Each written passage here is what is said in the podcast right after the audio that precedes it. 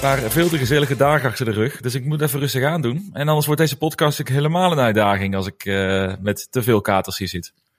Maar wat heb je gedaan dan? Ja, dus, ja je weet het wel. Het is december, dus het is altijd feestdagen natuurlijk. Dus je hebt heel oh. veel dingen met collega's, gezelligheid. En uh, ik had een paar maanden lang een alcoholvrije periode, bijna een jaar eigenlijk. En ik ga er nu komende maandag weer mee beginnen met de alcoholvrije periode. En je weet hoe het dan werkt. En dan ga je tot die tijd ga je echt even knallen. Dus uh, dat valt wow, nu rauw op het dak. Wacht even. Jij gaat in december, in de feestmaand, een alcoholvrije periode doen? Ja, ik had wat mensen die vroegen aan mij van misschien ben je, heb, heb je je vergist met de datum. Misschien bedoel je 1 januari. in de maand inderdaad, één maand te vroeg. Nee man, ja, het is, uh, ja. het is een, uh, en lang. Ik probeer echt gewoon een half jaar of zo dan geen alcohol te drinken. Dus dat wordt wel een uitdaging hoor. En, en maar ik zal, een uit, ik, zal, ik zal wel een uitzondering maken voor deze gesprekken. Als we een whiskytje pakken, dat, dat tel ik dan niet mee. Want anders is de flow eruit ah, natuurlijk. Oké, nou het staat ook niet op band natuurlijk. Dus niemand die het kwalijk kan nemen of eraan kan houden.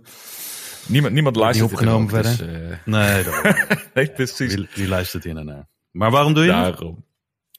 Nou ja, ik, ik heb eens een tijdje gehad van um, dat het niet heel veel. Nou, ik moet anders zeggen. Ik heb een tijdje dat gewoon uh, vond dat heel gezellig, veel naar de kroeg toe en zo en uh, met vrienden stappen was automatisch drankjes erbij. Maar ja, ik denk dat jij misschien wel beter weet dan ik, maar je wordt wat ouder na een tijdje. Oh, hoezo, hoezo zou ik dat beter weten? Nou ja, net zoals ik veel beter weet over verlies maken op de beurs, uh, heb jij meer levenservaring. ja, ja, inderdaad. Ik heb meer jaren op de teller staan, ja. Ja, precies, precies. Maar, maar, het is, uh, maar zonder grap, het was uh, na een tijdje, ja, je merkt het toch wel, als je dan een paar borreltjes op hebt, je lichaam gaat er steeds minder goed tegen kunnen natuurlijk. En ik had gewoon geen zin mm meer om die dag erna gewoon met een kater te zitten en niks kunnen doen. Dus nee. vandaag. Ja, dat, dat, ik moet zeggen, dat heb ik ook een hele periode gehad hoor. Dat, uh, wat was het, tussen 2017 en 2019, dat ik echt daar heel erg op ben gaan letten. En ook heel veel dingen aan het afzeggen was, omdat ik dacht van ja, dat moet gewoon echt niet. Dat kan niet anders. Weet je, op een verjaardag. Ja, goed, je bedoel, je kan op een verjaardag staan en dergelijke zonder alcohol natuurlijk. Maar dat waren dan weer van die dingen met mensen die volledig dwars door de nacht heen gingen. En dan, en dan ja, ging ik een uurtje langs en dan daarna ging ik gewoon naar huis. Maar ik moet wel zeggen dat ik daardoor wel, ja, ik kon meer gedaan krijgen. En zeker uh, dan had je een heel weekend waarin je toch dingen kon doen die je op je werk niet kon doen. En als je met, op vrijdag met een kater, uh, of tenminste met een drankje op te veel het weekend ingaat, dan heb je niks meer aan je weekend. Dus dat, uh, ik snap het wel. Je bent een stuk productiever daardoor. Ja, nou ja, zeker als je een drukker leven hebt natuurlijk. Je wil iets doen ook in plaats van zoals vroeger toen je nog de hele zaterdag en zondag kon uitbraken als je dat zou willen. Maar dat, uh, dat leven bestaat niet meer voor ons, helaas. Dus, nee, uh, nee. Maar we hebben het wel gelukt trouwens, ja. hè, dat we het wel uh, echt over de serieuze zaken kunnen hebben. Ook zonder een whisketje in dit geval. Want het was weer een, het was weer een weekje. Nou, het was een maand, moet ik zeggen. Ik vond het eigenlijk best een, nou wat een maand inderdaad. Ja, ik vond de afgelopen week vond ik nog best wel, afgezien van de laatste dag van de maand, waarin het toch nog wel, eh, wat was het, 4,5% op de Nasdaq. Echt even een, eh, een schot omhoog. Maar uh, afgelopen week, als je het vergelijkt met de weken ervoor, vond het een beetje saai. Of het was rustig. Het was niet saai. Het was gewoon rustig. Dat ja, het een beetje. Ik weet niet hoe dat ja, voor jou was. Ja. Nee, je hebt, je hebt al gelijk. Je hebt al gelijk. Ik, ik had er ook, um, ik besef me, ik heb vorige ook over getweet van ja, ik heb eigenlijk helemaal niet zoveel te vertellen meer. Want het is best wel een rustigere periode nu. Behalve dan die ene dag dat de Fed ging praten en dan de Beens plus 4,5% ging in een half uur tijd of zo, geloof ik. Maar uh, ja. nee, het, klopt. klopt. Maar ja, als ik meer met het uh, WK be bezig ben geweest dan uh, met, met beleggen. dus nee, ja, dit, dit, het is wel een mooie metafoor trouwens. Hè? Je ziet ook op, nu met het, met het WK ook dat zelfs de, de grote spelers, de grote goden, die kunnen bloeden. Die kunnen eruit, mm eruit vallen. Ik vind het een metafoor ja. voor aandelen die ik gekocht heb. Dat ze echt een keertje uit, het, uh, uit de WK-ronde kunnen vliegen. Maar over twee jaar zijn we er gewoon weer. Dus, uh... maar het verschil is, je zet er wel je geld op in. Ja, ja oké. Okay. Misschien voelt het dan misschien iets pijnlijker dan een, uh, ronde waar je over twee jaar later de kans voor krijgt. En wat gaan we allemaal bespreken in deze aflevering? Uh, nou, de usual suspect weer, hè. Maar uh, in ieder geval uh, eventjes de maand doornemen. Want ik denk dat iedereen wel bezig is altijd met zijn, met zijn maandresultaten. Even kijken hoe we ervoor staan. We gaan het la de laatste maand van het jaar in. Dus we gaan het ook eventjes hebben over de vele berichten over of er nog een eindejaarsrally komt. Ja.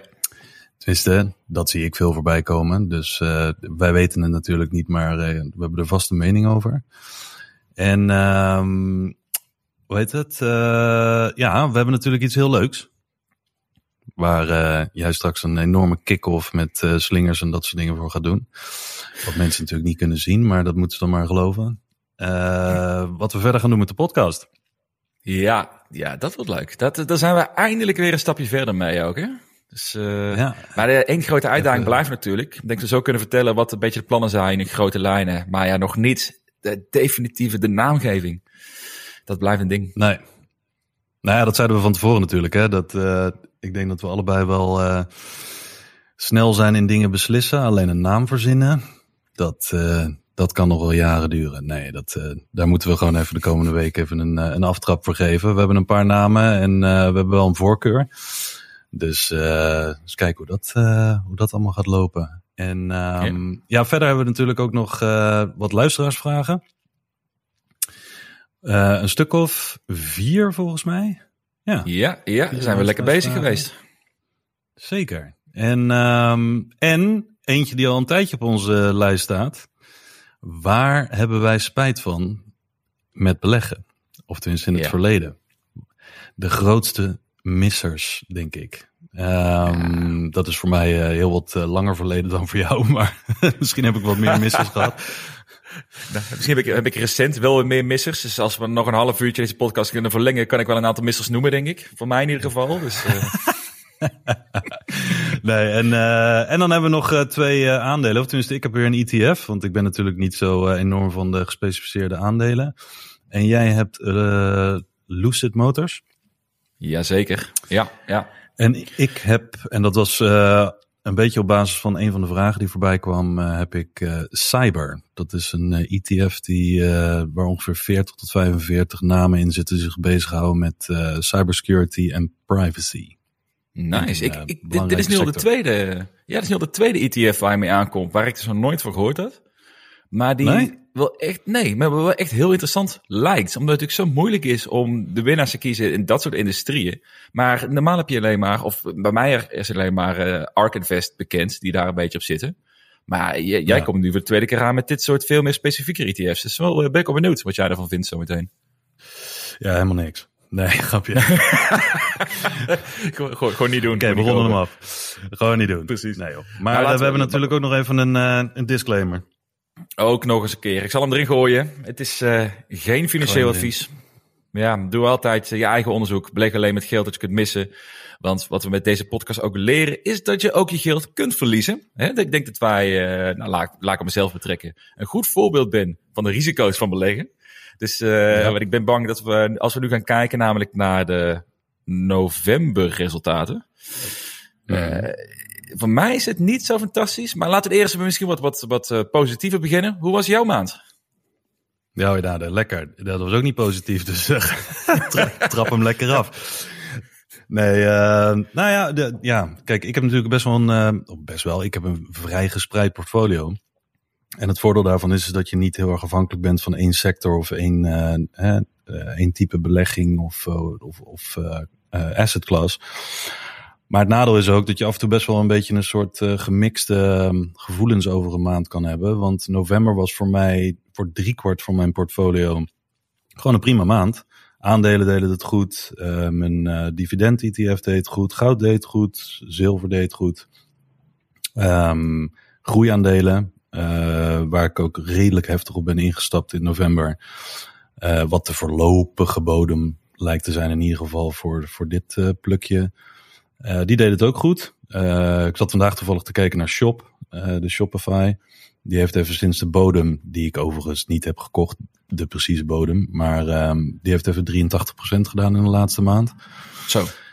Dus dat was ook wel even een, een dingetje. Ja, twee keer knipperen en je mist het. Maar um, de grote boosdoener, want uiteindelijk ben ik wel geëindigd op min 5% de maand. Uh, er zijn weinig maanden geweest in, de afgelopen, in het afgelopen jaar waarop ik best wel uh, wat procenten verlies had. Dit was een beetje een langzaam doodbloeden. Maar die min 5% die kwam eigenlijk alleen maar bij crypto vandaan. Oké. Want ik zit, in, uh, ik zit in Bitcoin en in Ethereum. En uh, nou ja, Bitcoin heeft volgens mij in uh, november iets van min 20 en Ethereum min 22% laten zien rondom dat hele FTX-drama en alles wat erbij hoort. Het is natuurlijk sowieso een hele sentimentele en heftige markt. Dus de bewegingen zijn er allemaal wat forser dan, dan in andere markten.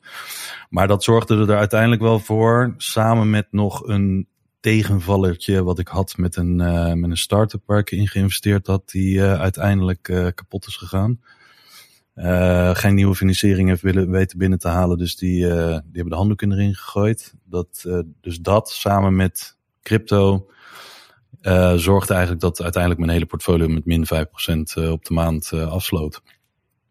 Dus uh, niet heel prettig, want daarmee sta ik op dit moment nou ja, om en nabij de min 22 procent. Ik zat, uh, ik zat eens te kijken naar wat een gemiddelde ETF doet, uh, zo'n wereld-ETF. Nou ja, volgens mij staat hij op, weet ik veel, min 6, min 8 procent. dat is nog te overzien, maar min 22 procent is, is toch vrij fors. En nu jij? nou, lekker. Dan zeg je dat ik jou een, een opzetje geef. Maar nee, is, is daarop op, op, op reageren. Ik denk op zich dat. Um, maar is, is het echt zo'n flinke daling voor het portfolio wat je hebt? Want jij zit natuurlijk wel wat meer in ETS. Dus een 5% schommeling is. Uh, ja, dat, dat kan je bij wijze van spreken ook binnen een paar dagen is dat helemaal weer omgedraaid, toch als het mee zit. Ja, dat is wel zo. Maar in principe, als je driekwart van je portfolio het goed ziet doen, Hè, wat is overwegend, ik denk, nou ja, wat is het? Dan heb ik het over meer dan 80% van mijn portfolio wat in het groen stond, maar niet zodanig in het groen dat het, het verlies bij die 20% van mijn portfolio, dus verreweg de minderheid, dat ja, was niet goed te maken met meer dan 80% van mijn portfolio. Dus dat is een beetje de, ja, hoe zeg je dat? Inherent aan, uh, aan sommige mensen zeggen dat ze 10% in crypto al veel vinden. Um, ja, mijn minkpunt is 20% van mijn portfolio. Ja, dan krijg je onherroepelijk van dat soort, uh, van dat soort maanden, want die bewegingen zijn gewoon heel heftig. Dus uh, ik, ik lig er niet van wakker. Uh, want dat, dat was ook nog een vraag van iemand die op, uh, op mijn nieuwsbrief had gereageerd, omdat ik de resultaten deelde. En die zei: Kan je daar dan niet van wakker liggen? Ja, eigenlijk niet. Want dat is een beetje de, de, de opzet van mijn portfolio. Dat een deel is gewoon heel risicovol. Maar dat is verreweg het minste deel. En het grootste deel zit, uh, zit voor mij in wat veiligere dingen. Daar hoef ik ook niet van te verwachten dat die in één keer in een maand of twee maanden de hele zooi goed gaan maken. Want ja, weet je, goud, nou ja, zilver is wat, af en toe wel wat explosiever. Maar als je goud en een dividend ETF, joh, daar kan je half bij in slaap vallen. En, uh, en, en drie jaar in coma liggen en dan is er nog niks gebeurd bij wijze van spreken. Maar uh, ja, met crypto uh, pak je zowel de goede dingen mee als de slechte dingen. En dat kan heel, heel heftig zijn bij de kant op. Dus nee, maar ik lig er niet wakker van. Dat is gewoon hoe mijn portfolio in elkaar zit. Nee, maar ik bedoel, als je, mm, dat, dat, is zeker, dat is zeker waar. Maar ik denk ook als je een volledig portfolio zou hebben op een ETF bijvoorbeeld, dan zou je kunnen zeggen 5% in de min. Dat, dat heeft wel even iets nodig om dat goed te maken. Natuurlijk, het is niet, dat heb je niet binnen, normaal gesproken niet binnen een dag of een week trekt het goed. Alleen in dit geval, in jouw portfolio, binnen een week kan je het wel goed gemaakt hebben. Dus is 5% voelt niet heel veel, niet echt dalend eigenlijk. Het is gewoon een kleine tegenvaller zou je kunnen zeggen. Ja, en dat is grappig, want dat, dat had je ook uh, volgens mij in je laatste podcast gezet over de, over de potentie van de investeringen die jij hebt. Ik bedoel, tuurlijk, je pakt enorme klappen naar beneden in, in markten zoals dit. Maar als het allemaal klopt en je, je hebt er overtuiging in, dan heb je het niet over dat je de komende drie jaar het moet doen met een gemiddeld rendement van 8% potentie. Uh, dat is vele malen hoger. Dus hè, als alles klopt, kan je het inderdaad veel sneller weer inhalen. Dat is, en dat is ook hoe mijn portfolio inderdaad is ingericht. Die 5% ik lig er niet wakker van, omdat een deel, hè, wat heel risicovol is, kan, weet ik veel, binnen een paar maanden 20, 30, 40% doen. Zo niet meer. Ja, dat kan. En de rest is dan wat saaier en wat langzamer. Maar daar, uh, dat, dat, ja, dat fungeert meer als anker. Dus uh, nee joh, ik, uh, ik, heb er, ik heb er vertrouwen in. Dus, uh... Ik ben wel blij dat jij van mij de, de, de landing al iets zachter maakt. Door nog even te refereren naar die laatste aflevering. Dat ik heel snel omhoog kan gaan. Want uh, ik, ik, zou, ik zou niet alleen uh, niet, niet in slaap komen van min 5%. Ik zou uh, dromen als een baby als ik op min 5% zou staan namelijk. Zou een fantastische maand ja. voor mij zijn. Want ik, mijn maand is min 17% is afgesloten. En dat is, uh, nou eigenlijk, ja, het klinkt heel gek, maar een beetje standaard maand eigenlijk. Het is uh, bij mij, als je tussen min 15% en plus 15% zit, is een, is een reguliere maand. Dus dat. Uh, vind, je, vind, dat ook niet, vind je dat ook niet deels heel, hoe zeg je dat, comforting? Dat je um, niet wakker ligt van dat soort dalingen? Want ik, eh, nogmaals, iemand die bijvoorbeeld puur in een wereld-ETF zit, die zou van 17% gewoon, denk ik, ook al zullen heel veel mensen zeggen dat ze dat niet doen, maar die zullen er misschien meer van wakker liggen, omdat dat is heel raar. En jij bent dat gewend, dus daar kan je weinig overkomen, in die zin, psychologisch gezien. Uh, omdat je het inderdaad gewend Je wordt een beetje, ik weet, niet, ik weet niet zeggen dat je daar moe van wordt of dat je er een beetje ongevoelloos van wordt, maar misschien ook wel. Ja, ik denk wel dat je, dat je gelijk hebt. Ik denk, je, je bent er gewoon aan. Je weet gewoon, want je weet hoe de goede maanden kunnen zijn. Je weet hoe de slechte maanden kunnen zijn. Maar dat is het enige waar ik dus wel blij mee ben met deze periode. Ik bedoel, los dat het behoorlijk veel geld kost op dit moment. Maar uh, je, je, merkt wel of, er de, of een strategie bij je past, ja of nee. En uh, ik heb ja. twee jaar lang heb ik geroepen dat ik graag een groeiaandelen wil, dat ik die volatiliteit aan kan. Het is wel lekker bevestiging te krijgen dat het ook gewoon zo is, uiteindelijk. Want ik schrik er niet van, dus ja. dat is wel lekker. Maar het klopt wel, het is wel een heel andere manier dan dat je dit doet met een, uh, als je ETS gewend bent. Dus daarom denk ik niet ja. iedereen dit geschikt voor is. Maar ik sta dus min 17 nee. En ik moet zeggen, ik kijk wel puur even naar beleggen. Want ik heb mijn startups, laat ik even... Uh, dat is natuurlijk niet liquide, dus vind ik moeilijker om dat in de waardering per se mee te nemen. En crypto doe ik eigenlijk heel weinig mee op dit moment. Dus ik heb, heb alleen een hele klein... Uh, ja, ik heb nog wel iets. Ik heb nog een, een heel klein plukje uh, Cardano, heb ik nog. Hmm. Maar dat is, dat, is, dat is echt een heel klein plukje. Maar ik zit eigenlijk al ik maak nu de eeuwenoude fout. Je gaat hem waarschijnlijk kennen. Dat uh, ik wil heel graag uh, een bepaalde cryptomunt. Ik zou niet per se noemen welke het is, maar een cryptomunt wil ik graag, wil ik graag kopen. Alleen die staat nu mm. twee keer zo hoog als de bodem van zes maanden geleden. Want ze hebben gewoon ontzettend veel goede ontwikkelingen meegemaakt in die periode. Wat ik kan inschatten in ieder geval. Uh, en nu zit ik te wachten. Ja, ik ga niet twee keer zoveel betalen. Terwijl het een half jaar geleden op de helft van, het, uh, ja. de, helft van de prijs stond. Maar dat is natuurlijk, dat is, dat is natuurlijk onzin eigenlijk, toch? Ja, duur ja. nu opeens. Ik weet welke het is, denk ik. Ik denk dat ik weet welke het is. Ja. Maar uh, daar heb ik ook naar gekeken inderdaad. Maar ja, dat is dat een beetje de premium luisteraars. Hele... Dat is voor de ja, twee abonnees. maar maar dat, dat is inderdaad waar. Dat heb ik ook wel hoor. Ik bedoel, ik heb dat een, bijvoorbeeld, ik ben een positie aan het opbouwen in, in Shopify. Ja, ik kijk dan naar wat het is gestegen, 83% Ik kijk dan totaal niet naar waar het vandaan komt. Want in, mijn, in mijn hoofd denk ik alleen maar, ah, oh, dat is 83% duurder dan, dan een maand geleden. Ja, misschien moet ik toch even afremmen. Maar, of, of niet inleggen. Nou ja, ik doe het dan wel, omdat ik, ik moet mezelf een beetje aan die dingen, van die schema's houden. Want ik wil een beetje meer handelen als een computer in die zin en niet zo emotioneel. Maar het is altijd wel moeilijk. Want je, je gaat inderdaad, ga je redenen zoeken om het niet te kopen. En voor hetzelfde geld, uh, ja, weet ik veel, hebben we de bodem gehad en uh, blijf je dit de komende twee jaar nog steeds zeggen. Wordt het alleen maar duurder heb je de boot gemist. Dan heb je echt de boot gemist. Uh, weet jij het nu? Dat, dit vind ik wel interessant eigenlijk. Jij hebt, uh, je bent nu iets meer aan het doen met, met traden ook erin. Hè? Uh, je hebt al gezegd, mm -hmm. Shopify is voor jou wat langere termijn uh, positie ook. Maar die is nu dus ja. 83% gestegen in een hele korte tijd. Is dat dan niet verleidelijk voor jou om te zeggen, nou, ik ga het gewoon hele positie verkopen. Ik pak mijn winst en ik zie straks alweer? Nou, ik heb de helft van de positie verkocht. Oké. Okay. Vor, vorige week. En ik heb nu de regel voor mezelf dat zelfs met dat traden, dat heb ik al in een eerdere podcast gezegd, dat ik het alleen doe in dingen die ik ook echt vast wil houden voor de komende jaren. Maar dat wil niet zeggen uh, dat ik hè, de beweging niet wil meepakken. Want ik wil, zeker wel als ik denk dat het een beetje overextended is, wil ik in ieder geval een beetje winst pakken en realiseren. En dan vervolgens, als het door blijft stijgen, ja, geen probleem. Dan heb ik een positie, uh, daalt het, dan pak ik die positie weer terug. Um, dus ik heb wel 50% verkocht. Um, en van mezelf mag ik niet meer verkopen dan dat. Dus okay. uh, nou, goede ik, regel, heb wat, ja. ik heb wat gerealiseerd.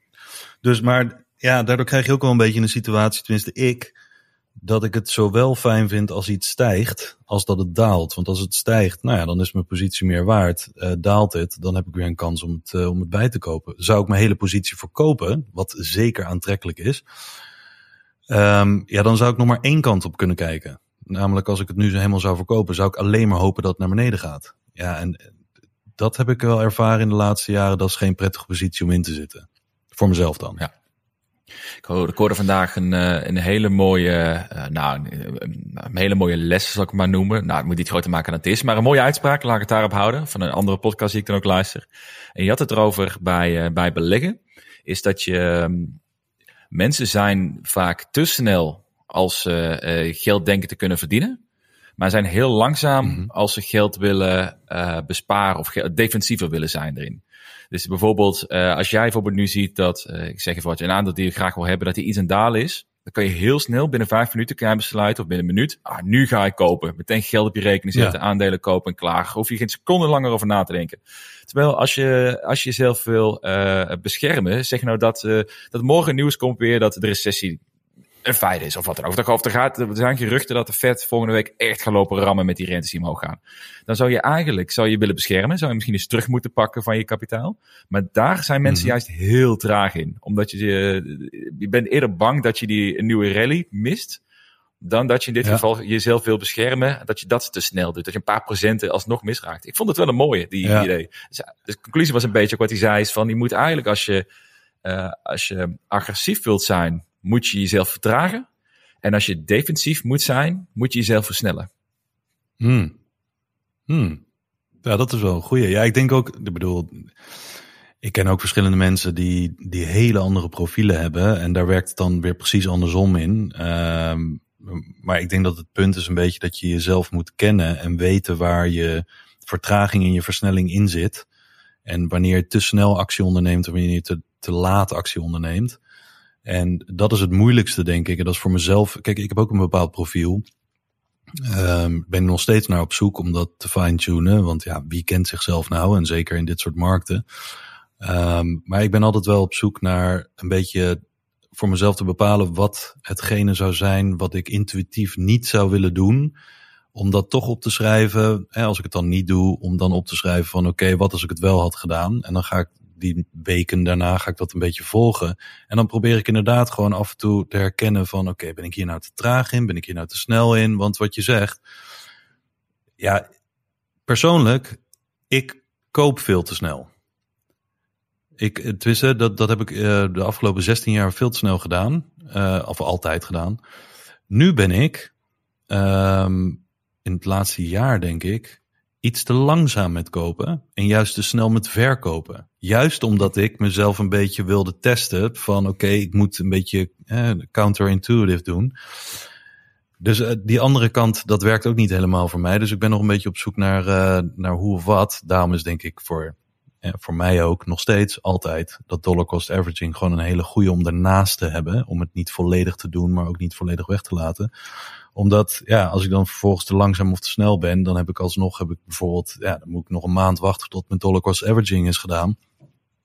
En dat is pas langzaam. Uh, en als ik bijvoorbeeld niet durf te kopen en morgen is mijn volgende periode waarin ik weer een, uh, een flinke uh, smak geld via dollar cost averaging doe, dan heb ik in ieder geval dat. Dus dat, dat, dat peilt me ook wel een beetje. Dat, ik vind het wel prettig om te hebben. Want 80% wat ik nog steeds doe, is nog steeds gewoon elke maand inleggen. Dus ik vind het wel een prettige, ja, prettige manier. Maar dat, dat is denk ik voor iedereen een beetje om zichzelf te leren kennen. Ik denk sowieso dat dit hele beleggingsspel echt gebaseerd is op leer jezelf goed kennen. Daarom moet je het ook gewoon doen. Je moet ervan leren, je moet het opschrijven. Het is, je moet niks, maar dat zou verstandig zijn. Um, en daar kan je nog je hele leven mee bezig zijn, zoals we de vorige keer ook zeiden. Dit is gewoon een, uh, een weg die je nou, de komende 40 jaar waarschijnlijk nog gaat afle afleggen. Ja, nou, en dan kunnen we denk ik daarop vooruitlopend met het hele mooie plannen van je. Gaan we, kunnen we doen wat we ontzettend graag doen, namelijk uh, speculeren op prijs. wat gaat er gebeuren in de markt? Dit is waar we heel dol op zijn natuurlijk, om dat soort dingen. Maar ja, jij kwam ermee. Je zei van, uh, gaan we nog een eindejaarsrally krijgen? En ik dacht, nou, laten we hmm. daar een fles whisky op zetten. Want wie gaat er het dichtst bij in de buurt komen? Wat zijn onze voorspellingen? Ik, ik heb wel gemist uh, dat er een fles whisky op ging staan. Ja, ik ben, ik ben heel zelfverzekerd waar we gaan eindigen namelijk. Dus, uh... oh, ik, ben, ik ben wel echt benieuwd of jij een ander idee hebt dan ik. Want dit hebben we niet, uh, dit hebben we niet besproken verder. Maar nou ja, de reden waarom ik ermee kwam is, uh, waarom ik ook tegen jou zei van joh, laten we dit, laten we even bespreken. Omdat we zagen in de laatste dag van november zagen we toch alweer een flinke eendags rally, om het zo maar te zeggen. ik weet niet precies wat de Nasdaq deed, maar volgens mij was het 4,5 procent. We hadden in november hadden we een 7,5% gehad op één dag. volgens mij half november. Maar ik heb eens even terug zitten kijken naar, de, naar het afgelopen jaar. En dat waren toch wel met er was nog één andere dag waarin we een soort 4,5% hadden. Maar verder was het allemaal lager. Dus het zijn niet hele normale bewegingen. Maar wat je wel ziet, en dat vind ik interessant, is dat je gelijk na zo'n beweging, op de dag zelf of de dag daarna, bepaalde clusters krijgt van mensen en meningen die allemaal een bepaalde kant op gaan. En als je zo'n wordcloud zou maken van al die mensen die erover praten, dan zou eindejaarsrally daar toch wel echt enorm bovenuit steken. Omdat ik zag het op IEX, al die analisten. Ik zag het op Twitter voorbij komen. Ik zag zelfs een heleboel Amerikaanse analisten. Ik heb CNBC zitten kijken. Year-end rally, eindejaarsrally. Het was echt een woord wat echt nou ja, continu werd genoemd. Dat zullen mensen waarschijnlijk meer hebben gezien. En dan, dan denk ik, oké, is dit gewoon iets wat wij met z'n allen willen? Of is dit, is dit iets wat echt gestaafd is op, nou ja, weet ik veel, uh, de, de, cijfers of wat dan ook. Voorspellen is sowieso, nou ja, daar hebben we het ook over gehad onderling, is een beetje een fool's game. Uh, ja, het heeft ook helemaal geen zin om te gaan voorspellen, wat dat betreft. Het is een beetje zoals gokken op een WK-wedstrijd. Maar we gaan het toch doen ook, omdat we het leuk vinden. Ja, we gaan het toch doen omdat we het leuk vinden. Je moet natuurlijk iets van, uh, van leuke content uh, maken. Nee, maar nou ja, ik ben, ik ben bijvoorbeeld eens gaan kijken, want ja, dat interesseert mij dan. Um, dat heb ik van de week even gedaan. Uh, voor de S&P bijvoorbeeld, de afgelopen 20 jaar hebben we, nou wat is het, zes slechte decembermaanden gehad in de afgelopen 20 jaar. Dus dat waren decembermaanden die gewoon negatief eindigden. Uh, op de 31ste versus de eerste. Um, en dus 16 keer een positieve maand. Maar wat is de definitie van een eindejaarsrally? Is dat, een, is dat plus 0,2% Is dat plus 2% Is dat plus 6% We zijn inmiddels al best wel wat plussen gewend. Uh, als je ook kijkt naar afgelopen woensdag, 4,5% op één dag. Dus ik weet niet wat de verwachting van mensen is. Dat dan een eindejaarsrally zoiets is van, uh, joh, uh, de, de, hele S&P of de hele Nasdaq gaat 10, 20% omhoog. Of doen we het gemiddelde van de afgelopen 20 jaar? Nou, dan zit je ongeveer op 2%. Is dat een rally? Ik heb geen idee. en als dat dan niet de rally is, wat verwachten mensen dan in die zin van, zijn er nu hele specifieke omstandigheden? We zitten in een bear market. We hebben er in de afgelopen 20 jaar, uh, nou ja, als je even de dotcom meetelt, hebben we er twee gehad. Uh, twee bear markets. Normaal heb je een eindejaarsrally die in een bull market natuurlijk uh, plaatsvindt. Iedereen voelt zich goed. Er moeten nog wat fondsen, moeten de wereld ingeslingerd worden, et cetera. Je beseft wel dat je de spanning enorm met opbouwen bent nu, hè? Want dat mensen willen weten, nou, denk jij, waar we gaan eindigen? Nou ja, kijk, als je naar de afgelopen drie jaar kijkt, hebben we de afgelopen drie jaar, elke decembermaand was goed. Boven de, volgens mij, 3 procent. Ja, prima, 3 procent. Uh, eh, 2018 was de laatste echt slechte. Toen zijn we ook echt 10% gekelderd. Uh, of we. Ik bedoel, ik werk niet voor de S&P, maar oké.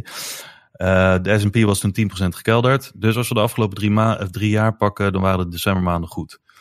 Ik denk, en een voorspelling is natuurlijk zo kansloos als, als maar zijn kan. Maar ik denk dat we ik heb altijd, nou laat ik het anders zeggen. Ik heb er moeite mee dat als er heel veel mensen zeggen dat er een eindejaarsrally komt, dat die dan er ook echt komt. Er wordt maar weinig wordt er waargemaakt van wat de massa denkt. Ja, dus ik zou zeggen, we krijgen er geen. Maar wat krijgen we? En dat is niet omdat ik pessimistisch ben. we krijgen een daling. Nee, ik denk dat we. Nee, ik denk dat we een platte maand krijgen. Ik denk dat we een soort opleving krijgen. En dan vervolgens een beetje afsluiten zoals we vaak in heel veel weken hebben. Van ah, iedereen is euforisch in het begin en dan aan het einde klapt het toch weer in elkaar. Eindigen we plat. Niks aan de hand. Uh, wat we de vorige keer zagen, verloren week, maar dan een verloren maand. Oké, maar wat nu, gaat, wat nu gaat gebeuren, is dat we of een enorme rally krijgen, of een enorme daling. Want ik dacht namelijk ook dat het namelijk uh, een hele saaie maand wordt. Echt, het is gewoon een 0% maand onderaan de streep. Oh ja?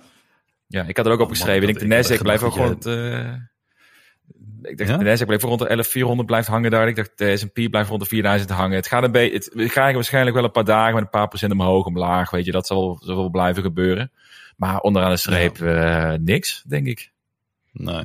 Nee, en ik, ik zie ook veel mensen die al heel wat jaren erin zitten en ook best wel wat traders die zeggen dan van we, we, verwachten gewoon, en dat wil niet zeggen dat zij gelijk krijgen natuurlijk, maar zij, zij noemen dat dan een choppy market. Uh, er gaat een hoop omhoog, er gaat een hoop omlaag, maar ja, weet je, we blijven gewoon in een bepaalde range zitten en verwacht niet al te veel. Ja, nogmaals, geen idee, maar ik denk, ik denk niet echt dat het een hele spannende maand wordt.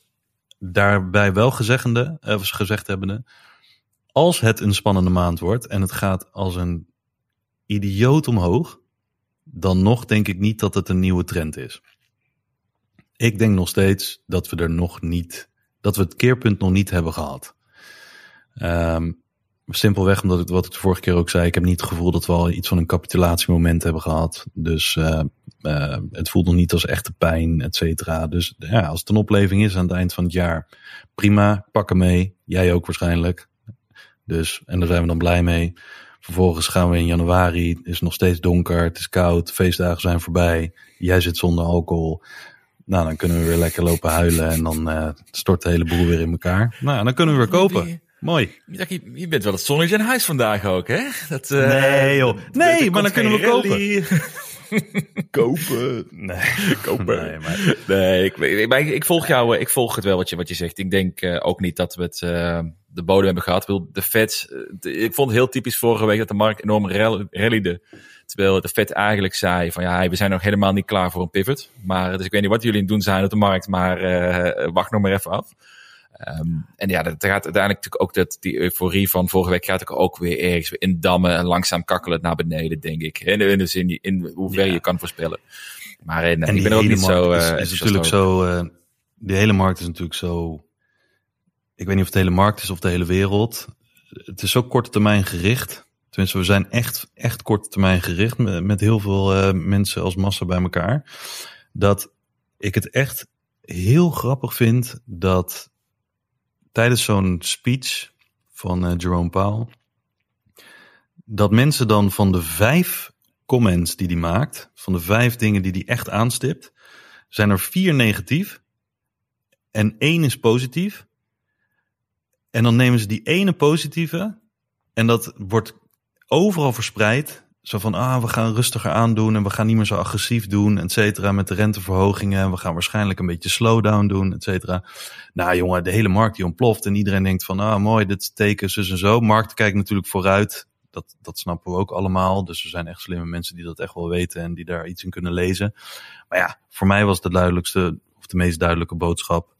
Um, we hebben nog niet genoeg gedaan. We zien de effecten wel een beetje, maar uh, de geschiedenis heeft aangetoond dat het grootste gevaar erin, erin schuilt dat je te vroeg weer op het gaspedaal gaat staan. Dat heeft hij heel duidelijk gezegd. Je kan beter iets te hard en te lang op de rem trappen, dan dat je te vroeg weer op het, op het gas gaat. En als dat hun, nou ja, hun, hun beweegredenen zijn, en zij werken natuurlijk ook met lagging indicators, dus ze zien pas later wat er gaat gebeuren, of wat er gebeurd is eigenlijk dan kan je ervan uitgaan, denk ik, dat er een grotere waarschijnlijkheid is dat ze door zullen gaan verder dan nodig, dan dat ze eerder in zullen uh, zien van oké, okay, we gaan weer uh, de kranen vol openzetten en uh, lang leven de vrijheid en hartstikke leuk. Dus ja, we zijn, niet, we zijn er niet heel positief over, maar tenminste, nou ja, hoezo zou er negatief of positief over zijn, maar het is meer ja, gewoon een stukje realisme, denk ik. Ze bepalen ik denk dat, uh, dat, dat wat jij net zegt ook over dat we het ene positieve pakje draaien en de rest laat je liggen. Het voelt een beetje als een verwend kind. Die zich maar thuis rondlopen met de vingers in de oren. La la la la la, ik luister niet naar je. Totdat je snoepje aanbiedt. En dan opeens, oh ja, ik ben er weer. Zo zijn we lekker bezig. En we hebben nog ja, een je hebt het hele huis gesloopt, maar uh, ja. Ja, precies, precies. En, nou, en ook het snoepje wil ik krijgen ook nog natuurlijk. Hey, we hebben nog een heleboel, uh, heleboel luistervragen hebben binnengekregen, waar we ook eens nog eens mee moeten. Ik bedoel, we zitten lekker in het mhm. gesprek, maar uh, ja, zij, uh, zij luistert natuurlijk niks voor niks allemaal. Onze honderdduizend mensen die iedere week intunen in deze afleveringen. Dus we moeten het wel even doorheen lopen. en er zitten weer een paar hele goede vragen bij ook hoor. Zeker. Zal ik de eerste pakken? Ja, ga je gang. Oh nee, nee, nee, pak jij de eerste, want dat is meer jouw, uh, jouw pakje aan. Wat vinden jullie van oh. CrowdStrike? Cybersecurity is mega hip en wordt steeds belangrijker, vraagt Fabian. Ja, nou ik heb me dus even in uh, verdiept, cybersecurity. Om te kijken mhm. van wat, wat is het nou daadwerkelijk zo spannend ja of nee. Um, heel kort, twee feitjes. De markt groeit 12% per jaar in de komende jaren. Wordt de markt in 2030 van een half miljard, nee 500 miljard gaat de markt worden. Ik had eigenlijk verwacht dat cybersecurity is inderdaad heel hip. Hè? Er wordt heel veel over gepraat. Best wel veel, uh, ook op uh, wereldwijde schaal, veel gezeur over hackaanvallen, uh, overheden die elkaar lopen te pesten, laat ik het zo maar noemen. Ja. Dus het is best wel een, een hippe industrie. Maar ik, ik had eigenlijk wel verwacht dat de groei een, een veel hoger zou zijn en veel sneller zou zijn dan het is. Ik, ben, ik vind 12% niet opvallend hoog voor zo'n industrie. Wat denk jij? Nee. Nou ja, en dat, dat had ik hetzelfde waar je de vorige keer mee kwam met, uh, wat was het? Sustainable food? Uh, ja, plant-based, ja. Plant-based food. Of plant-based food, ja. Ja, dat, dat was toen 10% volgens mij.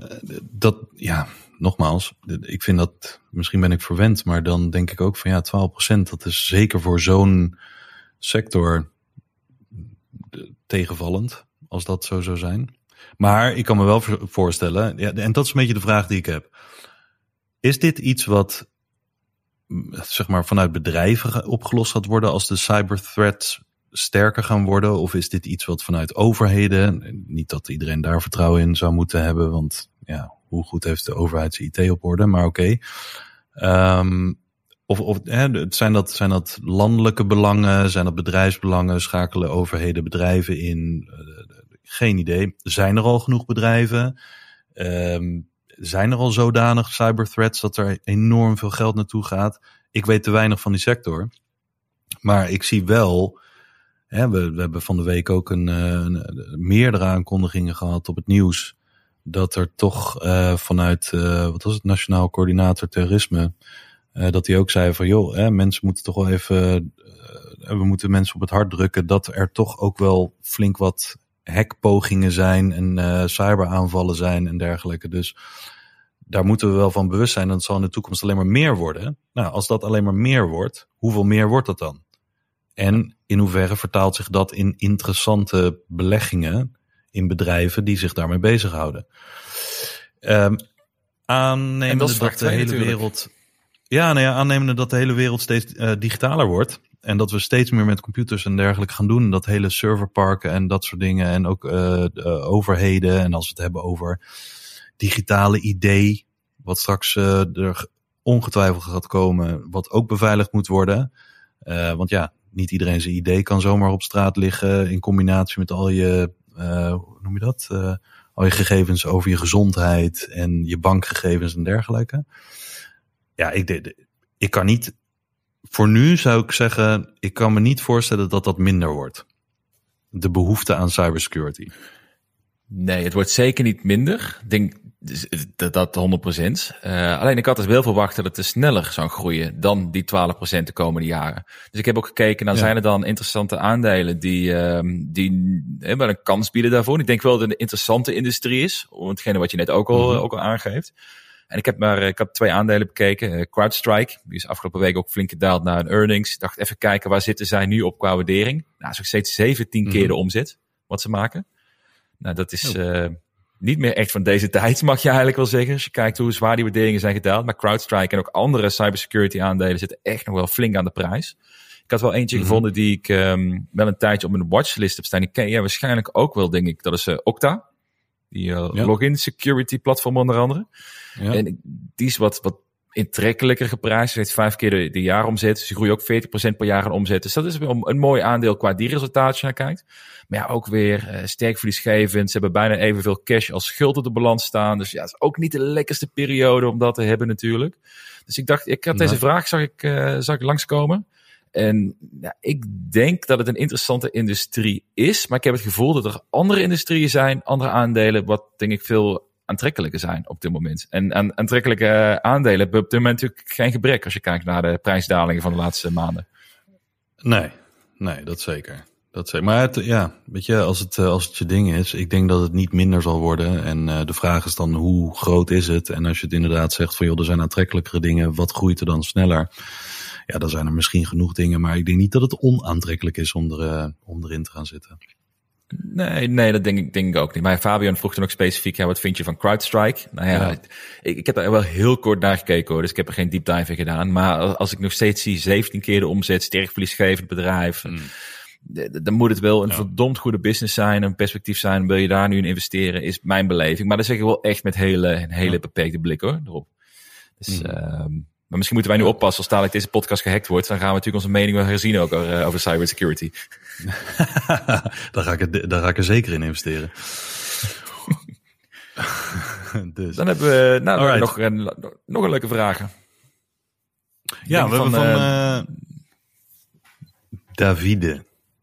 David, Davide, uh, sorry als ik je naam verkeerd uitspreek. Um, dat was ook iets wat ik voorbij zag komen uh, van de week. Uh, via de NOS en allerlei andere mainstream media. Davide vraagt op basis van het nieuws wat er van de week is bekendgemaakt. Um, dat ESG-fondsen helemaal niet echt ESG zijn. En ook gewoon investeren in fossiele brandstofbedrijven, bij wijze van spreken. Um, hebben jullie daar een mening over? Um, heb je daar een mening over, Jasper? Ik heb daar uh, zeker een mening over. Ik vind dat zo'n bullshit, die ESG-fondsen. Ik vind het, ja? niet, niet allemaal, maar ik vind, er zijn, je hebt natuurlijk, en bij veel corporates heb je natuurlijk de zogeheten greenwashing, toch? Dat, dat ze zeggen van, nou, we zijn allemaal mm. super klimaatbewust bezig, maar puntje bepaaltje uh, maakt het misschien nog wel erger dan het traditioneel gezien is geweest. Ik heb het gevoel dat heel veel van dit soort fondsen, die gebruiken, zeg maar, de, het, het, het, het, het feel good van we doen iets voor de wereld, om te verhullen wat ze daadwerkelijk doen. Ze zijn ook gewoon het, een, hmm. hun fonds aan het greenwashen. En ik denk dat je dat heel veel ziet ook bij dit soort fondsen. Dat ze in bedrijven zitten die de uitstraling willen hebben dat ze heel goed bezig zijn. Maar onderaan de streep zijn ze net zozeer weer het, aan het vernachelen uh, als de mensen die daar wat minder uh, uitgesproken over zijn. Dus bedrijven die daar minder uitgesproken over zijn.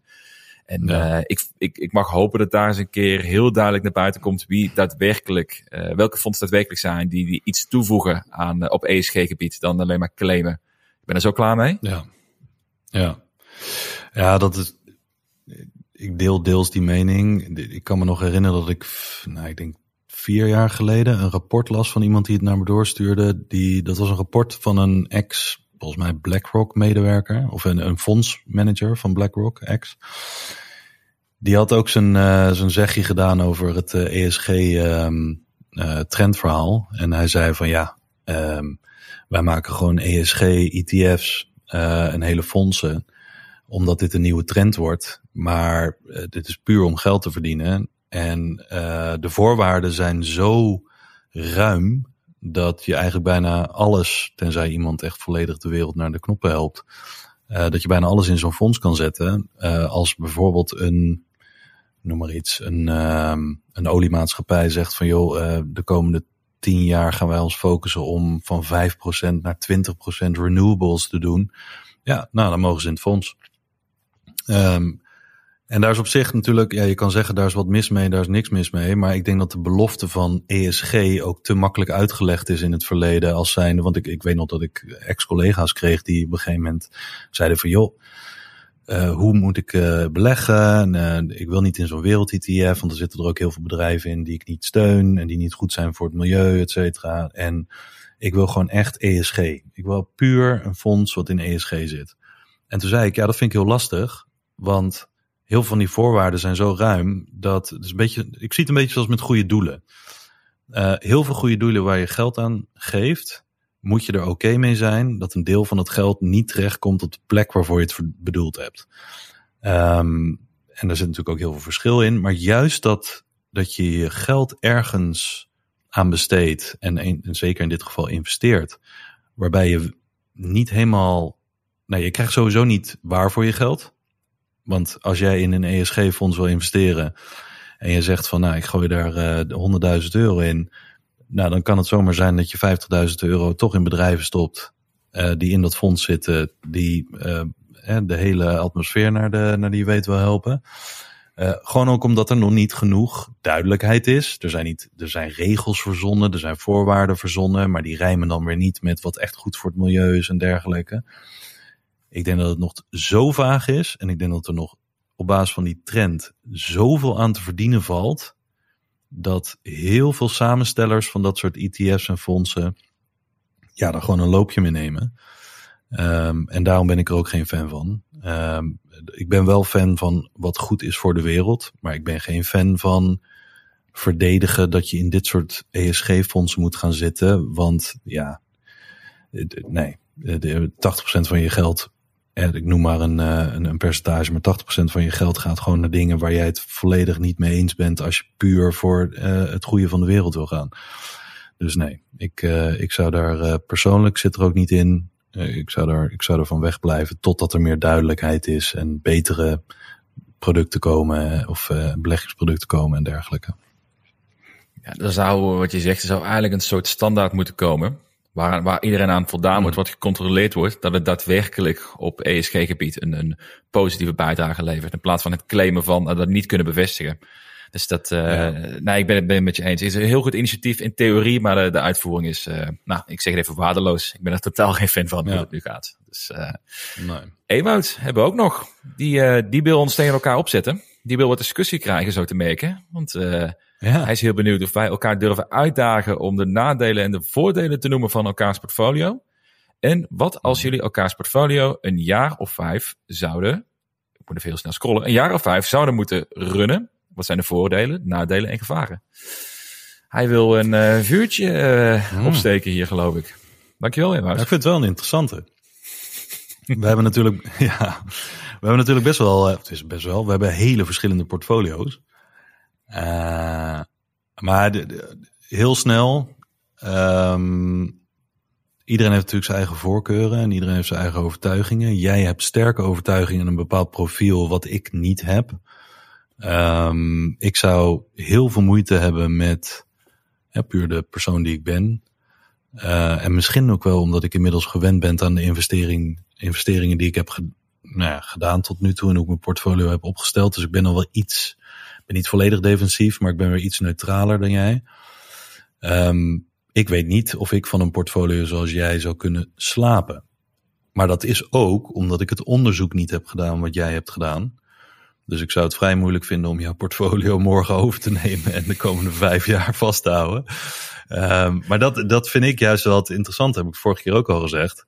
Uh, ik heb echt diep respect voor mensen die zoveel overtuiging hebben dat ze dat in een geconcentreerd portfolio kunnen, kunnen weergeven.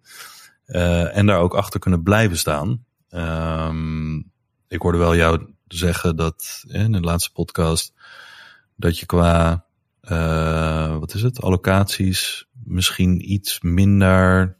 Uh, wat, wat, bijvoorbeeld nu met je met Canoe en Desktop Metal zit je volgens mij op 40, 35 procent van je portfolio. En dat je dan het wil gaan uitbreiden, je portfolio met nieuwe posities. Maar dat dan bijvoorbeeld Canoe en Desktop Metal op 15% of zo. Uh, klopt. Dat je dat zou cappen.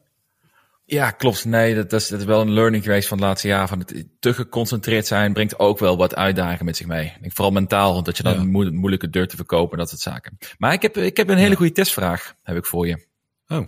En ik denk oh. dat je dat, dat namelijk best wel een, uh, een gevoel kan geven wat voor type belegger je bent, hoeveel risico je wil nemen. Dus ik ben heel benieuwd hoe jij dat mhm. reageert. Mm -hmm. Als, je, als ik jou de kans zou bieden, of iemand zou jou de kans bieden, om een vast rendement te maken van 6% voor de komende 40 jaar heb je investeringen.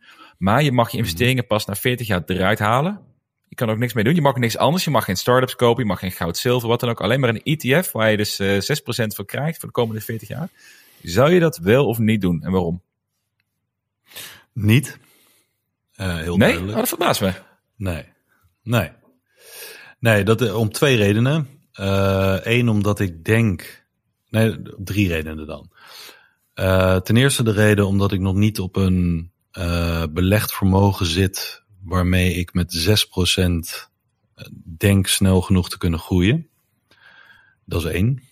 Uh, dat is natuurlijk wat anders of je een portfolio van 2 miljoen hebt. Dan zouden mensen zeggen, joh, daar teken ik voor, lekker prima en, uh, en, en, en gaan. Um, de tweede reden is omdat, um, uh, omdat een ETF specifiek vind ik te beperkt in die zin. Um, ik heb vanuit mijn portfolio ook uh, goud, zilver, dat soort dingen. Ik hou van spreiding in die zin, dus dat zou iets te beperkt zijn voor mij. En ten derde, um, ja, dit klinkt een beetje raar misschien, maar het is niet spannend genoeg. Ik ben heel nieuwsgierig. Ik wil graag dingen uittesten. Um, binnen nu en 40 jaar zullen er heel veel veranderingen plaatsvinden in de wereld. En als je de afgelopen, nou, wat is het? Nog niet eens vijf jaar pakt. Nou, vijf, zes jaar. De hele opkomst van crypto. Geen idee waar dat over vijf jaar staat. Uh, AI, noem het maar op. Ik zou daar puur vanuit interesse en ook omdat ik ermee bezig wil zijn, zou ik, ja, daar zou ik ook posities in willen innemen in de komende 40 jaar. of die nou succesvol zijn of niet, uh, misschien geven die minder dan 6%, omdat ik uh, heel veel fouten ga maken en heel veel dingen ga uitproberen die niet werken. Dat zou kunnen. Maar dan nog zou ik het zelf in, in eigen hand willen hebben. Ik hou gewoon ervan om dingen uit te testen en om posities in te nemen in nieuwe trends en dergelijke. Dus nee, dus ik zou, ik zou dat niet doen. Grappig, ik had verwacht. Had je wel verwacht dat, ik dat zou doen? Uh, ja, ja, ja, ik had zeker verwacht Echt dat waar? zou doen. Dan, ja, omdat ik denk dat je oh, veel meer zit vanuit, vanuit de zekerheid, dacht ik. Want ik, ik, ik, ik voor de me moet dat denk ben je denk ik wel met me eens. Ik denk voor de meeste mensen is die deal die ik net aanbood de beste oplossing. Als je onderaan de streep kijkt. Absoluut. En, het leuke is alleen, de meeste mensen noemen zichzelf niet de meeste mensen. nee. Dus uh, wij, nee, denken zeker. ook weer uh, stiekem van ja, wij willen het anders doen en wat dan ook. Maar ik denk, ik, ik denk stiekem dus eigenlijk dat als je, of helemaal niet stiekem, maar ik denk dus dat, uh, dat de, de leukste manier is misschien hoe jij het net beschrijft. Misschien ook wel een manier om het meeste mee bezig te blijven daarin. Maar als Mhm. je puur het kijken naar onderaan de streep, wat gaat het opleveren? En je zou kunnen kiezen tussen uh, hetzelfde doen wat wij proberen of 6% vast rendement op gewoon je totale investering denk ik dat Mhm. dat eigenlijk 99 van 100 keer dat dat een betere keuze is, die vaste 6%. Absoluut. Het is ook zeker niet de verstandigste beslissing om dat soort aanbiedingen af te slaan, denk ik. Uh, mijn vader zou ervoor tekenen. Veel vrienden van mij zouden er denk ik voor tekenen. Want die, die zijn er ook gewoon niet echt mee bezig. Die willen gewoon het geld dat ze niet gebruiken, willen ze gewoon zien groeien. En een bepaalde garantie daarop hebben of een bepaalde zekerheid. Um, maar ja, weet je, net zoals jij uh, en ik misschien nog meer. Um, ik ben hier mijn werk van aan het maken, in een zekere zin. Um, dus ja, waar, waar ga ik over schrijven dan, ten eerste?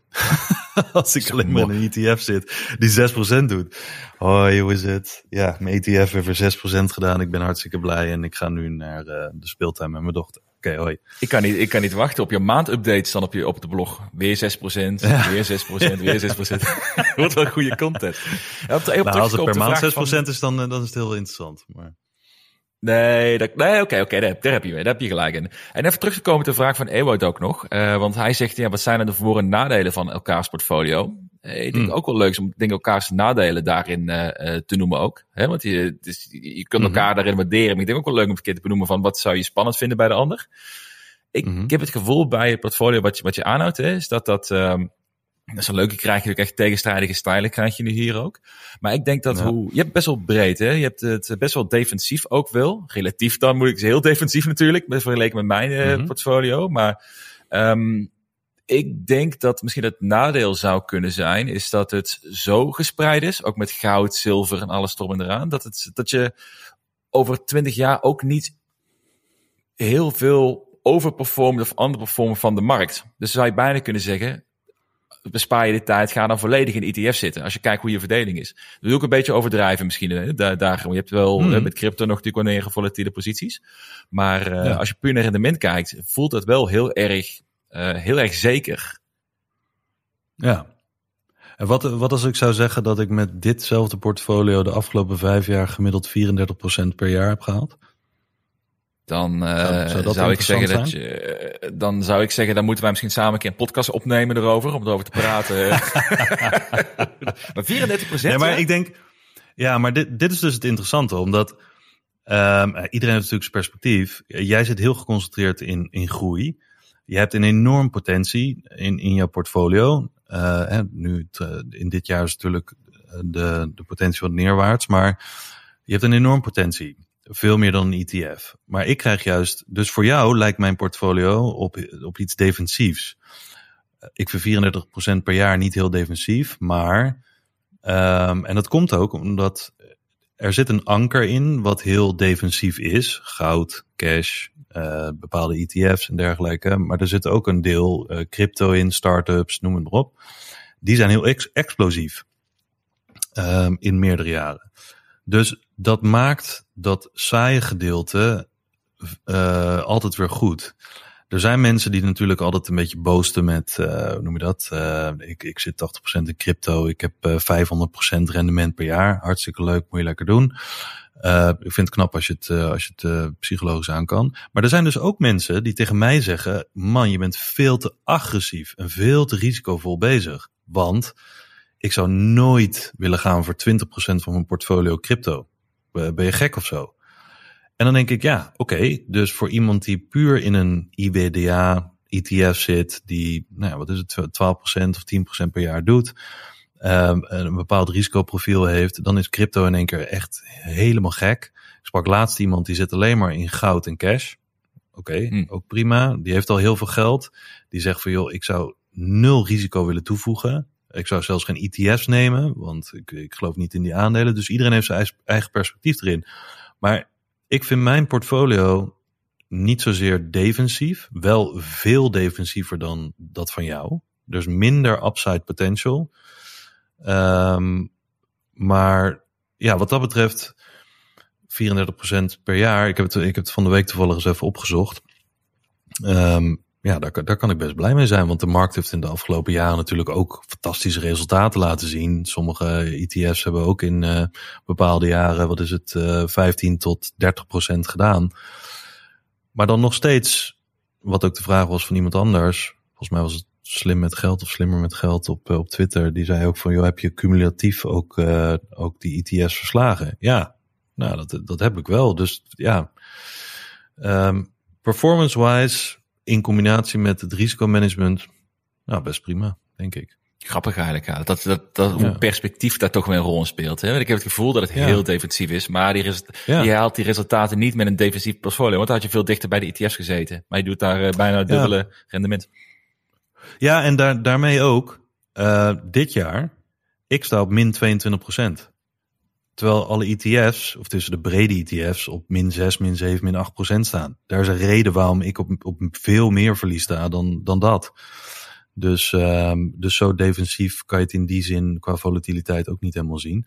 Maar bij jou, uh, hè, als we toch het nadeel benoemen. Ik kan maar één nadeel verzinnen bij jouw uh, portfolio. En dat is dat ik er zelf niet van zou kunnen slapen. Dat is ja. het enige. En dat is puur omdat het voor mij te geconcentreerd is. Um, en niet eens dat ik onrustig zou worden van, oh, ik wil meer toevoegen aan mijn portfolio. Want als je een bepaalde overtuiging hebt in een sector of in bepaalde type beleggingen, dan, uh, dan zou ik daar nog steeds ook zelf voor kunnen gaan. Maar um, het, is een, het is een aandelen waar. De, ik zou hetzelfde kunnen zeggen voor iemand die alleen, uh, noem maar iets, um, Shopify, Coinbase. Airbnb en uh, Meta heeft. Weet je wel, vier van die aandelen. Dan zou ik ook zeggen van, oh, daar zou ik ook niet van kunnen slapen. Want voor mij is het de potentie van het falen van een bedrijf is in mijn hoofd zo aanwezig. Uh, en dat het bijvoorbeeld ook daalt met 50%, maar daarna niet meer goed komt. Of dat het helemaal weggereguleerd wordt, of noem het maar op. Dat zou voor mij veel te risicovol zijn om er echt van te kunnen slapen. Dus dat zou het enige nadeel zijn wat ik bij jouw portfolio kan bedenken. En ik hoop ook, en dat vind ik ook mooi, want vanmiddag sprak ik iemand die zei: Ik juich mensen toe in startups die echt succes hebben, ondanks dat mijn start-up niet de meeste succes heeft. Ik zou het ook fantastisch vinden als jij over een jaar bij wijze van spreken 400% rendement zou kunnen laten zien. Daar zou klinkt ik geen jaloezie van hebben. Ja, klinkt heerlijk. Hè? Nee, maar daar zou ik geen jaloezie van hebben in de slechte zin, maar jaloezie in de goede zin. Want ja, dan heb je ook weer een bewijs dat dat soort overtuiging zichzelf uitbetaalt. Dus uh, ja. Ja. Dus nou ja, ik, ik, kan je in ieder geval uh, één, één oplossing kan ik daarvoor geven. Dus als je niet ervan kan slapen, is gewoon een extra borreltje pakken voor het slapen gaan en dan uh, gaat het heerlijk. nee, maar ik snap, ik snap wat ja. je bedoelt. Maar ik denk, het is toch interessant de beide perspectieven daar te zien. Misschien we bij een volgende aflevering daar nog iets meer op in kunnen gaan, ook op deze vraag ja. van Ewout. Ik denk dat hier nog veel meer verdieping in te halen is. Maar ja, voor dat dadelijk mensen... leuk om elkaar uh, uit te dagen. Ja, absoluut. Maar ik, ik hoorde laatst ook een, kreeg reactie van, wil je de podcast niet te lang maken? Want mijn hardlooprondje ja. is al bijna verdubbeld door jullie podcast. Dus uh, doe, cut me a break. Dus uh, maar we hebben mm -hmm. nog een paar puntjes nog te bespreken. En ja. dit is trouwens, ah kijk, dit is hem. Dit is uh, Oesgur. Hij is degene die dat zei over het hardlopen. Dus uh, gozer, je doet nu zelf een vraag insturen. Je wil een antwoord op krijgen, maar je wilt dat de podcast korter is. Ja, dat... Oké, dan gaan we hem heel kort doen. Ja, hij wil weten of ik een, uh, of ik een positie in Asana ga openen. Nou, dat is een hele concrete vraag. Uh, nee, nog niet. Maar er staat wel op mijn lijstje om naar te kijken. Ik had vorige week toevallig in die podcast zei ik erover dat ik ook al meer uh, software as a service aandelen zou willen hebben. Dus, omdat er hele hoge winstmarges op zitten vaak en heel schaalbaar is. Die heb ik nog niet in het portfolio. En Asana is wel een van die die op mijn shortlist staan om iets mee te doen. Het, um, een mooi bedrijf, denk ik hoor. Maar ik moet zeggen, ik zit er nu nog niet genoeg in dat die zo strak zit dat ik. Uh, dat die morgen gekocht wordt. Maar is, is wel zeker eentje die ik in de gaten hou. Dus ik laat het je weten. Je volgt op Twitter, dan uh, ga je meteen, uh, meteen wat bijhouden. Mooi. Mooi hè, mooi ding is. We hebben nog uh, de radar te bespreken. Mm. En we hebben nog de teaser van deze podcast. Dus het is echt even nog even rammen mm. die laatste paar minuten hoor. Dit. Ja. Zullen we er een, een super laat anderhalf minuut. Zullen we er een super snelle ronde van maken met de radar en dan afsluiten met ja. de teaser van de podcastplannen? Ja, top. Zal ik de eerste doen? Ja, graag. Uh, nou, we hadden het net al even over cybersecurity, waarvan jij zei dat het 12% per jaar potentie heeft om te groeien. Uh, maar ik denk, eh, ook omdat ik in een ETF zit, uh, omdat je ook niet weet met dit soort bedrijven, we hebben net CrowdStrike genoemd, maar er zitten natuurlijk wel meer bedrijven in die sector. Uh, dat een hele interessante ETF kan zijn als je verwacht dat in de komende jaren cybersecurity uh, meer een ding wordt, en, of nog meer dan nu. Dan zou je eens kunnen denken, er zijn verschillende ETF's, maar degene waar ik wel interesse in heb, is de ETF met mooie afkorting Cyber, zonder E. Dus die is van LNG. Die is uh, volgens mij bij de Giro, maar ook bij, uh, bij Buck Zero en dergelijke. op de meeste brokers is die, is die te vinden. En die heeft zo'n 45 bedrijven die in die sector zitten. Dus ja, vrij interessant om, om een positie in te nemen, mocht je natuurlijk de voorkeur hebben om, om, om daar iets mee te doen. Dus een zeer specifieke ETF en ook een kleine niche, maar toch wel met een groot net denk ik, wat je uit kan werpen in de zin van uh, grote behoeften in de toekomst. Ik zou waarschijnlijk zelf ook, als ik nu iets met cybersecurity zou willen, zou ik ook eerder zo'n ETF kiezen die jij nu beschrijft. Dan, dan een individueel ja. aandeel, denk ik. Omdat het zo breed is, kan ik zoveel alle kanten op in die industrie. Dat, uh, ja. ja, ik vind het wel een goede. Top. Dus, uh, maar ik denk dat, uh, ik vind het wel leuk voor de volgende keer trouwens, om te gaan kijken naar, wat zijn er nou nog meer voor specifieke ETF's? Die met innovatie te maken hebben. Dan raken de snijvlakken, denk ik, elkaar heel leuk ook. Van waar liggen nou daar ook wat meer kansen? Ik vind het ook een leuk onderwerp trouwens. Dus dat, uh, die gaan we ook even nog, opschrijven. Oh, kijk. nou, dan hebben we nog een paar podcasts te maken voor het einde van het jaar. Ja, uh, ik, zal, ik, zal, ik zal heel snel mijn, uh, mijn keuze voor deze week uh, heel snel toelichten. Dat is Lucid Motors, de elektrische autofabrikant die echt de luxe auto's maakt. best wel wat klappen gekregen dit afgelopen jaar ook, maar nu onder de 10 dollar weer. Nog steeds op 16 miljard trouwens gewaardeerd. Dus echt nog wel een pittige, wow. pittige waardering voor een bedrijf die het hele jaar, ieder kwartaal de, het aantal leveringen van auto's naar beneden heeft bijgezet. Dus het is, uh, productie blijkt, uh, blijkt gewoon moeilijk te zijn voor, voor elektrische auto's, of auto's algemeen. Maar wat ik interessant vond, ik ben even de kern van het verhaal snel. Uh, wat ik interessant vond, ze hebben de afgelopen week, hebben ze voor 900 miljoen nieuwe funding opgehaald bij hun fonds in Saudi-Arabië. Ze hebben voor 600 miljoen een nieuwe offering gedaan ook. Nou, vonden aandeelhouders niet heel leuk, maar wel meteen anderhalf miljard kapitaal wat erbij komt.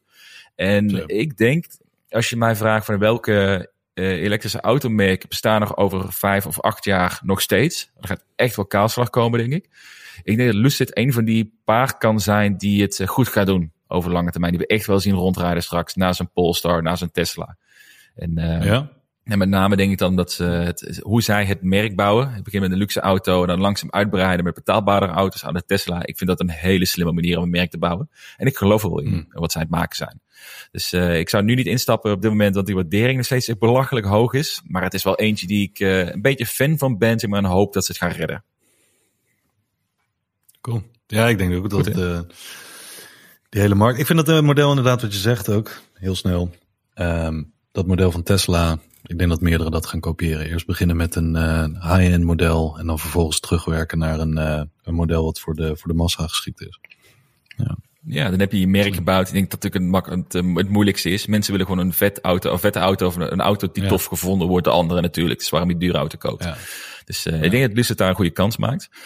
Maar dat gaan we de komende maanden gaan we het allemaal uitgebreid kunnen bespreken. Want uh, 1 jan nee, niet 1 januari, maar begin januari komt er een nieuwe collab. Of eigenlijk een bestaande collab gaan we uitbouwen. Hè? Want dit wordt een aparte podcast, gaat dit worden. Zeker. Zeker. Kan ik het ook eindelijk eens een keertje hebben over uh, glimmende steentjes en uh, dat soort dingen om uh, in te beleggen? Nee hoor. nee, ik denk dat wat, wat heel leuk het worden. Ik moet zeggen, het is, we zijn nu ook een beetje testen met deze aflevering en deze op afstand opgenomen met elkaar. Dus als mensen denken, waarom reageren jullie met een seconde vertraging op elkaar? Nou, dat komt omdat, het, omdat we nog internet hebben uit 1960. Zo voelt het op dit moment. Dus daar mm moet nog wat beters mee gemaakt worden. Maar, um, maar wat we willen gaan doen, en dat is denk ik wel heel erg leuk, is wij willen... Ehm, de luisteraar, jij, willen we eigenlijk uitnodigen voor een launch party in januari. Als we in januari de nieuwe podcast gaan lanceren. Waar de komende weken nog meer op geteased zal worden met namen, plannen en alles. Maar we willen het eigenlijk gaan lanceren met een, uh, met een whisky party in Den Haag voor de liefhebbers. Voor de echte fans. We weten dat het leeft bij een aantal uh, van de vaste luisteraars die het leuk vinden om met een, uh, een, een keer met ons te komen praten. Of samen te babbelen over beleggen met een whiskytje erbij. En uh, nou, dat gaan we organiseren, Twan. Een whisky party in Den Haag als launching party voor de nieuwe podcast. Holy shit. Wie had dat verwacht? ik, vind, ik vind party wel een, uh, wel een dingetje, maar uh, inderdaad. Een, een goede. Nee, nee, je gaat gewoon met een feesthoed ga je gewoon oplopen. Dus okay, dat verwacht top. ik van je. Konijnenpak aan. Konijnenpak. Ja. nee, maar ja, hartstikke leuk. Ik bedoel, uh, het is natuurlijk heel vaak dat je mensen inderdaad via, via Twitter en zo spreekt. Uh, sommige mensen zijn anoniem en, uh, en anderen zijn, hebben naam en toenaam. Maar in real life toch even praten, dat hebben wij ook gemerkt. zodra je dan bij elkaar komt, dan heb je toch wat meer connectie. En hartstikke leuk om, om daar rondom de aankondiging van de nieuwe podcast en de nieuwe serie erin een, uh, een get-together te doen. Lijkt me hartstikke leuk. Ja, ja, absoluut. Maar ze gaan de komende nou, weken, denk ik, hè, gaan we daar iets meer over uh, uitlichten. Wat de podcast wordt, plannen zijn, de naam wordt. En dan kunnen we denk ik ook de mensen die het leuk vinden om erbij te zijn, kunnen zich gaan aanmelden voor het, uh, het launching event van de nieuwste beleggingspodcast van Nederland. Dus uh, ik ga ervan uit dat er heel veel, uh, ik ga ervan uit dat iedereen die bij de, de, de, beurs werkt, of normaal gesproken eens in Amsterdam daar zit, dat zij ook allemaal langs zullen komen. Die, de, de, de bekende tv-kopen die we het hebben over beleggen. Maar to be continued. Leuk. Ja, gaan we de komende weken meer over kunnen maken. Ja, nou dan kunnen we voor nu afronden. Dus een extra lang hardlooprondje voor degenen die het rennen zijn geweest. Uh, voor ons een testcase met een afstand bellen. Ik mis, ik mis wel een beetje, kan net niet lekker op Twan inhaken. Merk ik, anders had ik je, ik had je zo graag 30 keer willen onderbreken. Maar ja, dat kan niet hè, met dit soort dingetjes. dat, uh... ik, heb je, ik heb je inmiddels 30 keer op mute gezet, dus dat uh, komt goed. dat zal de reden Heerlijk dit. Nee, nou, dankjewel allemaal voor het luisteren en tot de volgende aflevering.